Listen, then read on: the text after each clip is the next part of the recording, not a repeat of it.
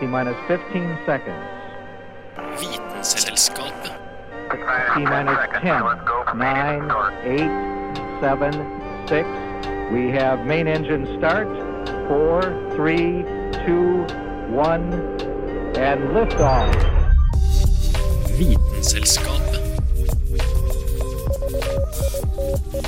Vitenselskapet på Radio Nova.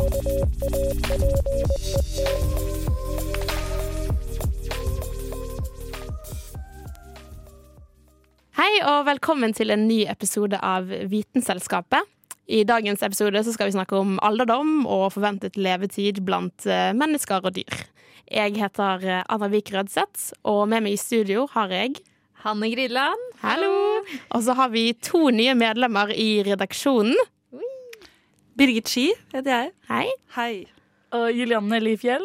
Hallo. Hallo. Å vite vet Vitenselskapet.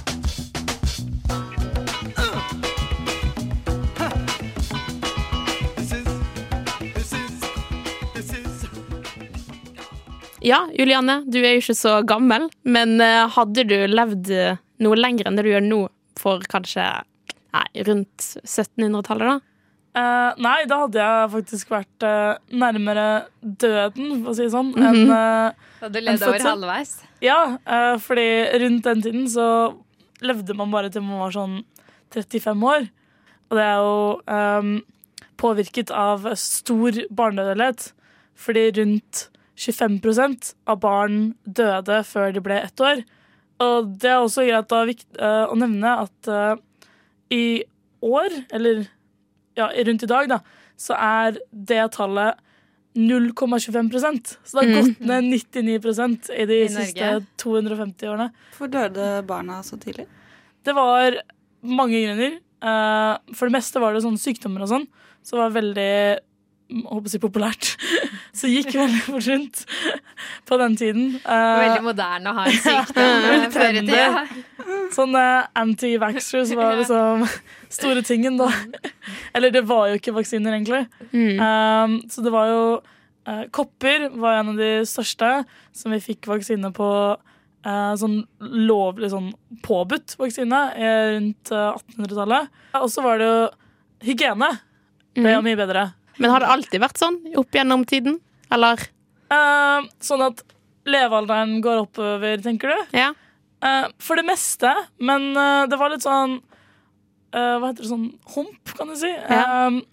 Når vi gikk fra å være jegere og sankere Mm. til å gå over til lang, landbruk Mm. og, og jordbruk og sånne ting. Fordi når man da var Det er jo var litt rart, da.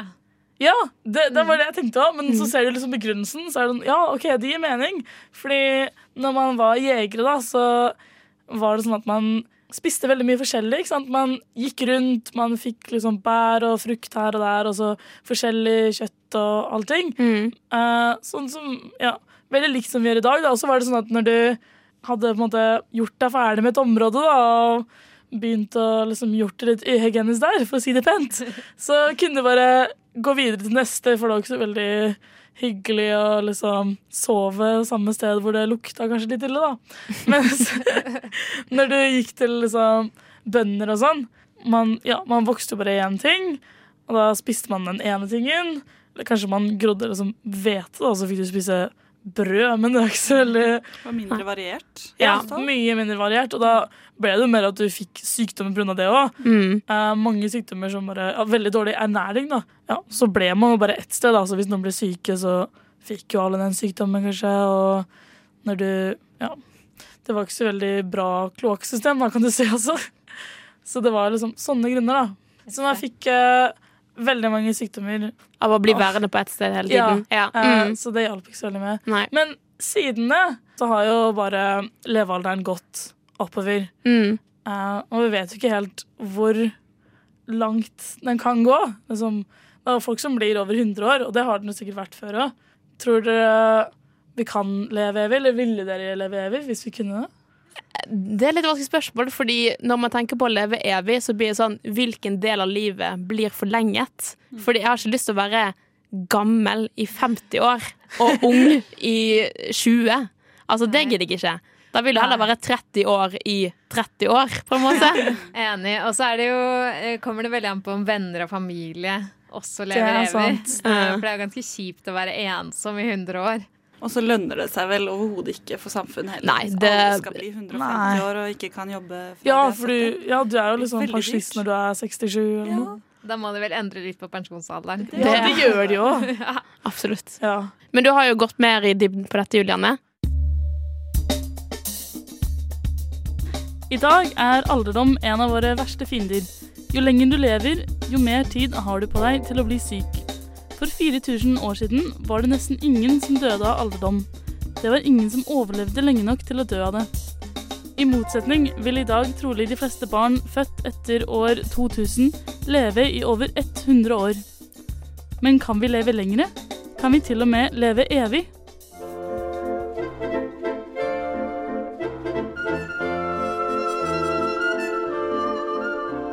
Problemet med alderdom er at helsa og dermed livskvaliteten synker. Det er få som ville valgt å leve evig om de måtte leve med sykdom det meste av tiden. Forskere har derfor sett på måter å forbedre livskvaliteten og helsen til eldre mennesker, for så å forlenge livene deres. En stor årsak til flere alderdomsrelaterte sykdommer som leversvikt og hjerte- og karsykdommer er stamcellene. Disse cellene er ansvarlige for reparasjon av skade og vedlikehold av vev i kroppen. Dessverre mister man flere av disse cellene jo eldre man blir, og kroppen blir da veldig dårlig til å vedlikeholde seg selv. I forsøk gjort på mus har forskere klart å forhindre disse uløpene ved å ta stamceller fra yngre mus og sprøyte de inn i hypotalamusen til eldre mus, altså den delen av hjernen som regulerer kroppslige funksjoner. Dette resulterte i at musenes hjerte fungerte bedre. De kom i bedre form og vokste fortere tilbake håret deres. Dette er for så vidt ikke den eneste måten forskere har prøvd å forbedre helsen til mus på. En annen type celle som bidrar til dårligere helse, er senescens celler. Dette er celler som verken er døde eller levende, altså bare er der og gjør ingen funksjon til kroppen. De kalles derfor ofte for zombieceller og øker i antall med alderen ettersom kroppen ikke har noen måte å bli kvitt dem på. Vanlige levende celler deler seg hele tiden og kopierer DNA-et sitt.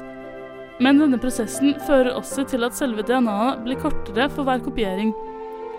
Til slutt har de mistet så mye av DNA-et sitt at de blir til disse senescen-cellene, som aldri dør, og vil da ta plassen til andre levende celler og forsøple kroppen. I forsøk på mus har man prøvd å drepe disse zombiecellene, og det har da resultert i at musene levde 30% lengre enn andre mus og var mye friskere i eldre alder. Ettersom mus og mennesker ikke er helt samme art, er det vanskelig å si om disse metodene kan ha samme effekt på mennesker. Å fjerne disse cellene hos mennesker kan kanskje innebære uønskelige kon konsekvenser, men det betyr ikke at det ikke er håp for fremtiden.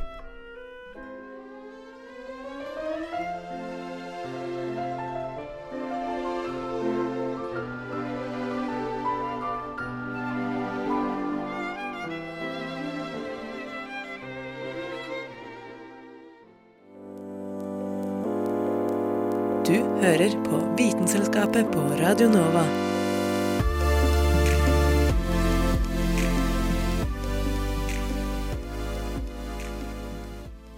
Én ting er jo hvordan det, eh, de eksperimentene du nevnte, Juliane, kan skje i mennesker eh, i forhold til mus. Men eh, som vi vet, så er jo menneskekroppen et helt maskineri. Og en maskin, som vi vet, vil jo med tiden bli dårligere. Og det skjer jo noe i kroppen hele tiden. Absolutt hele tiden. Altså Vi puster hele tiden, hjertet vårt banker hele tiden, immunforsvaret ditt jobber hele tiden, du går Altså, det er på høygir hele tiden, så det er jo ikke rart at vi blir gammel og utslitt med tiden.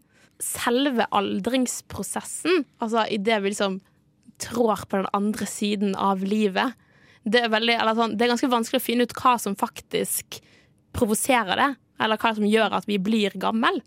Men det er nok flere faktorer, både genetisk bestemt og miljøbestemt, med tanke på hvordan du lever av hva du spiser, hva du drikker, har du uvaner og sånn type ting. Eh, både positivt og negativt med miljømessige årsaker også. Men det er jo noen teorier eh, som har sett litt på eh, hva som gjør at du blir gammel, da. Og en teori er jo um, at det her kan gå i arv. Sånn at hvis min mor blir gammel, så kan det gå i arv at jeg òg blir gammel, og sammen med mine søstre og resten av familien min. En annen forskjell er jo også Det er jo ganske stor forskjell mellom uh, de kjønnene. Altså kvinner lever jo generelt mye lenger enn menn egentlig i alle typer kulturer over hele verden. Så det kan jo kanskje være noe altså uh, mer genetisk informasjon vi kvinner har. For som vi vet, så jo, er jo Y-kromosomet til guttene inneholder mye mindre genetisk informasjon i forhold til X-kromosomet. Så kanskje det er en fordel å ha to X-kromosomer i forhold til XY, sånn som menn har.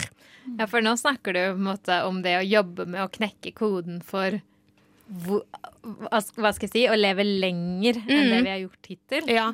Eller hva Eh, er det som på en måte gjør at vi blir gammel, på en måte? Ja, fordi det er jo forskjeller i hvor fort man blir gammel eller eldes. Mm. Men Ja, det er alle eldes jo Mm. til slutt, og alle Mm. dør jo til slutt. Mm. Og det er jo ingen som har blitt noe særlig lenger enn hva er rekorden nå? 120 år eller noe Ja, sånt nå for et jo- menneske. Ja. Det er jo ingen som har en, en syk rekord over å leve lenge. Og alle, altså når de er bikka 80-90, da ser jo man gammel ut uansett, på en måte.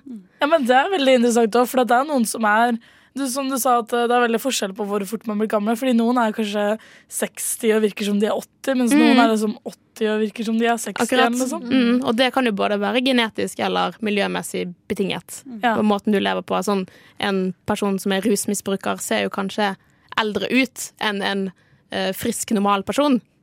Men bare av livsstilen til den personen. Ja. Mm. Og det er også veldig morsomt, fordi ofte når du når de intervjuer sånn folk som blir over 100 og sånn, Mm. spesielt når det er sånn 'Å, nå er du den eldste personen i verden. Hvordan klarte du det?' 'Å ja, jeg røyket eh, en Ja, ja. pakke hver dag.' Og Ja, sånn. Det er alltid sånn. Ja. Det er alltid sånne historier. Ja. jeg drakk masse. Mm. Det bare virker som om vi er programmert Ja. til å skulle leve en viss alder. Absolutt. Og det er det som er Altså, i 2017 så fikk jo eh, de som fikk eh, Nobelprisen i medisin og fysiologi, fikk jo for oppdagelsen sin av biologiske klokker at cellene våre inneholder en klokke som styrer sånn rytmiske prosesser i kroppen din. Og det er mange som tror at vi har på en måte aldringsgener. Der det er på en måte gener som er programmert og styrer da ulike celler og organer inn i alderdommen, siden sånn at hele organismen blir gammel etter hvert. Det er mange som tror at disse rytmiske syklusene mennesker går gjennom hver dag, også styrer oss inn i alderdommen. For det vi vet, er jo at eldre mennesker har kortere DNA. Sånn at hver gang du kopierer DNA-et ditt, så blir DNA-et ditt kortere. Og hvis man ser på en eldre person i forhold til oss, så vil en eldre person ha kortere DNA-ende enn det vi har. Men det er jo mange som tror at hvis man da på en måte forhindrer denne forkortningen av DNA-et, at da kan man leve lengre. Men man ser også at eh, mange kreftceller eh, har veldig lange ender på DNA-et sitt fordi at de har et enzym som heter telomerase. Og det er et enzym som på en måte ivaretar DNA-lengden. Så det er nok ikke en quick fix å leve evig heller. Oslo 2 igjen, Oslo 2. Dette er Vitenselskapet. Radio November, Oskar, Viktor, Alfa. En ting er jo at det er veldig vanskelig å finne ut uh, hva, en, hva alderdommer består av, eller hvordan man blir gammel, men uh, man kan jo enkelt i gåsetegn bytte ut organer som er gamle. Eller hva, Birgit? Innovasjon verden over akselererer, og fremtidens teknologi vil gjøre at vi lever lenger enn våre foreldre og besteforeldre. Antibiotika tar knekken på de fleste sykdommer som tidligere ville drept oss. Men dersom et organ svikter, er vi fortsatt avhengig av å finne en donor fra et annet menneske. I nær fremtid kan vi kanskje heller trykke print og kunstig fremstille et organ. Innenfor biomedisin har vi allerede verktøy som gjør det mulig å utvide levealderen. Vi har i dag en massiv tilgang på teknologi og databaser som gjør det mulig å samle medisinsk data som kan brukes i analyse og forskning. Vi kan kartlegge genene våre. Vi kan reprogrammere celler. Det nyeste revolusjonære feltet innen bioteknologi sies i dag å være 3D bioprinting og regenerativ medisin. For bare under et århundre siden var organtransplantasjoner helt utenkelig for de fleste mennesker. I dag er dette normale prosedyrer som gjennomføres hver dag over hele verden. Hjerte-, nyre- og levertransplantasjoner som før bare var forbeholdt og gjennomført av et utvalg dyktige og eksperimentelle leger på verdens ledende sykehus, blir i dag utført på tusenvis av sykehus verden over. Kunstige kroppsdeler gjør det i dag mulig for mennesker uten armer og ben å delta i olympiske idretter. Pacemakere holder hjertesyke mennesker i live lenger, og dialysemaskiner opprettholder nyrefunksjonen for nyresyke. Bare i dag setter vi inn kunstige hjerteklaffer som før transplantasjonen er dyrket med pasientens egne stamceller i en bioreaktor. Vi har klart å fremstille kunstige blærer og nyrevev utenfor kroppen, og som vellykket har blitt transplantert inn i dyr. Og vi har klart å fremstille kunstig organisk hud og øre. Riktignok har disse fremstilte organene bare vært testet på dyr, men forskere hevder at ny 3D-teknologi kan fremstille menneskers vev og organer gode nok til å kunne transplanteres inn i menneskekroppen. Til enhver tid venter mellom 400 og 500 mennesker bare i Norge på nye organer, og mange dør mens de venter. Kan fremstillingen av kunstige organer løse mangelen på organdonorer? Ved å bruke pasientens egne celler i spesiallagde 3D-printere kan vi lage nye organer.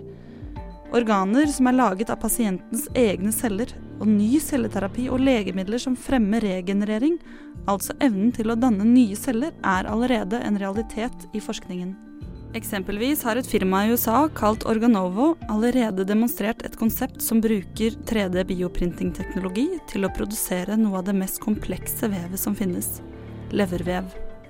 En annen gruppe forskere i Minnesota har for første gang 3D-printet lysreseptorer på en halvkuleformet overflate. Denne oppdagelsen markerer et betydelig skritt mot å skape et øye som en dag kan hjelpe blinde personer til å se, eller seende mennesker til å se bedre.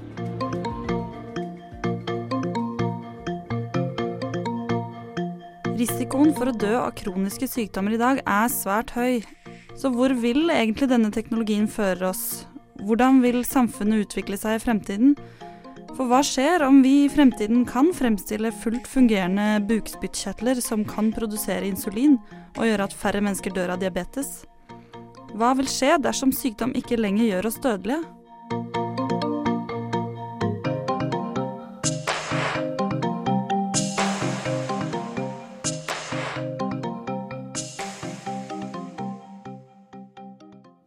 Printing av organer, det høres jo helt science fiction ut, uh, Birgit. Ja. Uh, jeg, jeg bare, men jeg skjønner ikke hvordan man praktisk printer et organ. Nei. Det er uh, ganske absurd å tenke på. Det fungerer jo prinsipielt sånn som en vanlig printer gjør. Du fyller på blekk eller det du skal printe, altså organisk materiale. Celler som de legger i jeg vil tro slags patroner. Eh, som de vil da printe lag på lag. Det blir som et sånn byggesett, hvor du printer eh, slice for slice oppå hverandre til det blir en figur. Eh, og dette må jo være spesialtilpasset eh, hver enkelt pasient også, så de henter jo ut pasientens egne celler som de bruker for å lage nye celler i et organ. Ja, Sånn at man ikke skal støte fra seg organet. Nettopp. Eh, ja, OK, fordi mm, Men jeg har jo hørt noen ganger så kan du vel ta på cellene etterpå også. Hvis du på en måte først printer en slags struktur, Mm. Uh, og så dyrker liksom på celler. Mm. Men da er du avhengig av at den strukturen eh, enten oppløses, eller at den også kan implanteres i et menneske, da. Som organisk materiale. Herregud, tenk, eh, Det er tenk den helt dagen. sykt.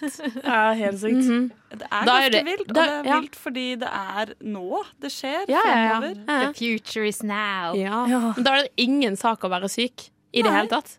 Nesten. Du kan jo bytte ut alt. Ja. Det blir som et byggesett. Det er sånn, Å ja, jeg ble bitt av en slange. Ja, jeg bare får bli ny hånd, liksom. Ja.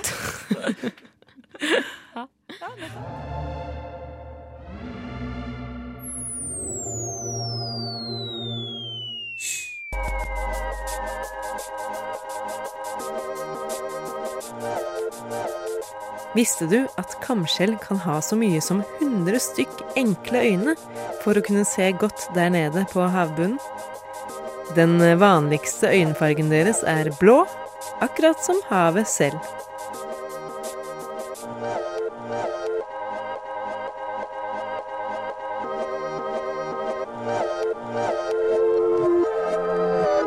Men hvor i verden er det man egentlig lever lengst, Birgit? Vi har noen soner i verden som de kaller blue zone. Det er geografiske soner eh, som eh, sies å være der folk lever lengst. Det har forskerne funnet ut av. Øverst på denne Det er fem steder som hovedsakelig folk blir over 90 år i gjennomsnitt. Eh, øverst der så troner Sardinia. Eh, Okinawa i Japan. Nikoya i Costa Rica.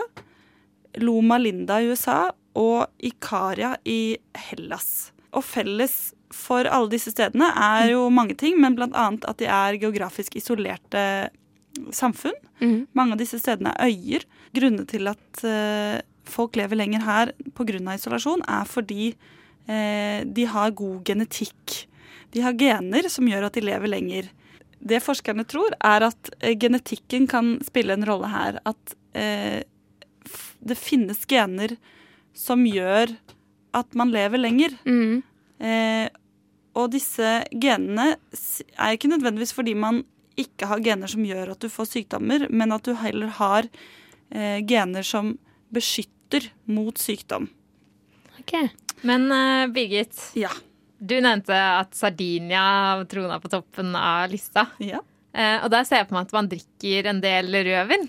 Eh, kan det på en måte være en livsforlengende faktor? Det er det også, for der drikker de i gjennomsnitt et glass rødvin eh, hver dag. Yes. Yes. Ja, det er gode nyheter. Og grunnen til at dette er livsforlengende, er fordi det senker stressnivået i kroppen. Mm. Stress er et eh, hormon som, eh, som er ganske ødeleggende, faktisk, for eh, kroppens funksjoner. Mm. I tillegg så er alkohol blodfortynnende. Det er bra for hjertet. Ja. Mm. I tillegg så spiser disse menneskene på disse stedene hovedsakelig plantebasert. De spiser bønner, de spiser lite rødt kjøtt. De Mm. spiser squash og mais og masse frukt. Mm. Er det ikke mye fisk også? Du nevnte jo Japan, og de er veldig glad i å fiske. Og Nettopp. I Hellas Mm. er det det. Ja, og i tillegg så fisker de ofte fisken sin selv, Mm. eller de jakter. Eh, og de dyrker sin egen mat.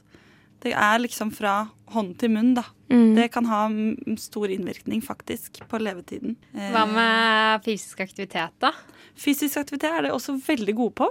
Mm. Eh, Ikke fordi de løper maraton, for det gjør de omtrent ikke eh, i det hele tatt. For det er egentlig bare skadelig for kroppen, for skjelettet og for leddene. Jeg fikk jeg veldig god samvittighet for aldri å løpe. Ja, ja. For det du skal gjøre, ifølge den forskningen her, da, er å gå turer. Mm. Gå regelmessige turer, moderat mosjon. Med et glass rødvin. Med, Med et glass rødvin. Gjerne en sånn camelback. ja, ja, ja. Det er det aller beste for kroppen, faktisk. Det skal jeg begynne å gjøre. Gå tur i skogen med rødvin i sekken. Nettopp. Vitenselskapet. Vitenselskapet på Radio Nova.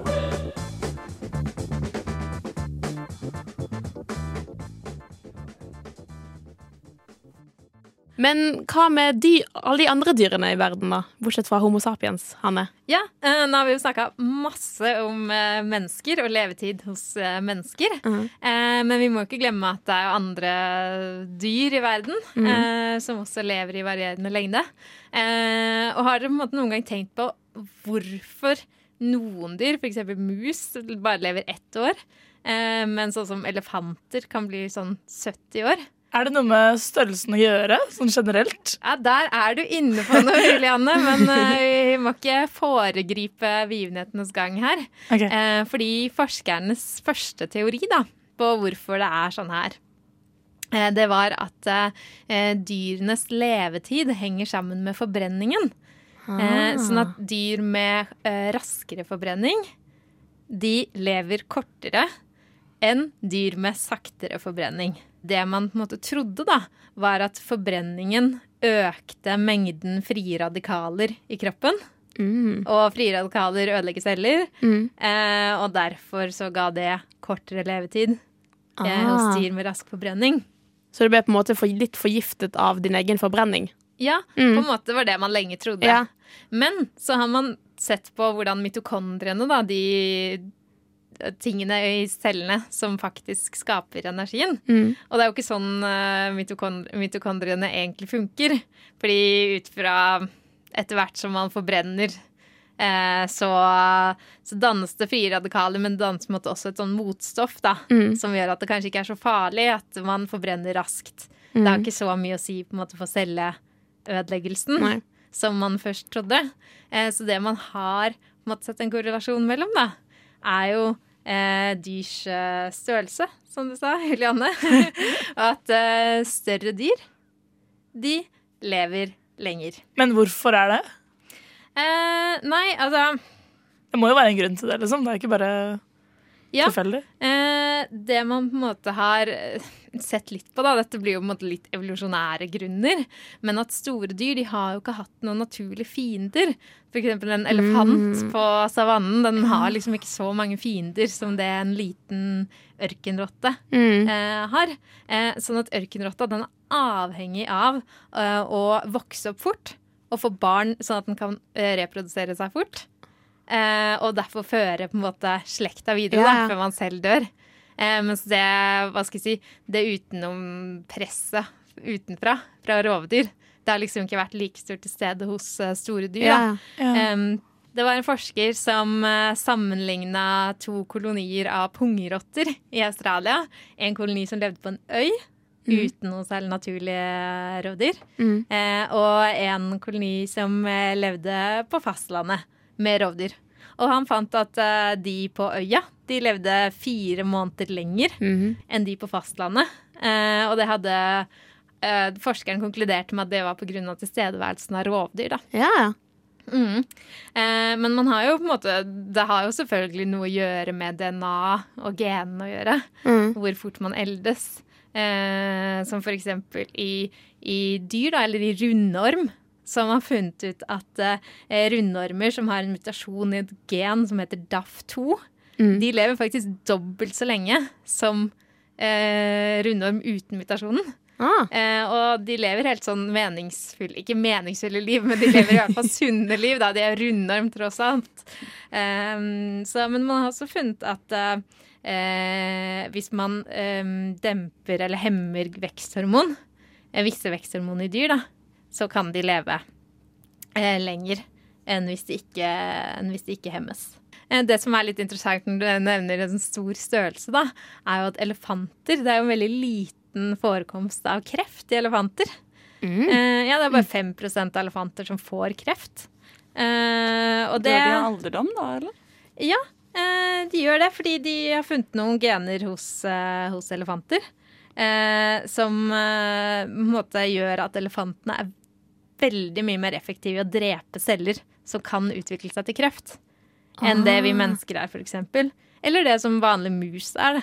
Eh, og litt av forklaringen for hvorfor det på en måte evolusjonært sett er sånn, kanskje, er jo at for mus så er det liksom, har det ikke vært noe vits, eller det har ikke vært noen fordel, da, å drepe kreftceller. Fordi kreft kan ta mange år å utvikle seg, og innen den tid så er jo musa dødd uansett. Mm. Mens elefanter de lever jo lenger, så da er det kanskje Bedre å ha et system som dreper fremtidig sykdom, på en måte.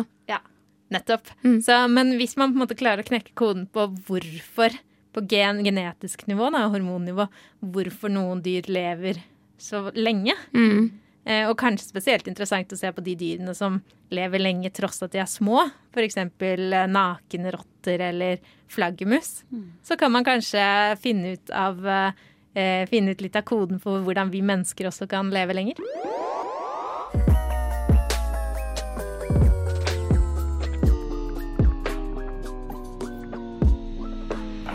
Vitenselskapet. Det var det vi hadde for i dag av dagens episode av Vitenselskapet. Jeg heter eh, Anna Vik Rødseth. Jeg heter Birgit Ski. Hanne Grilland, Irene Lifjell. Vi snakkes neste uke. lev vel! Lev vel.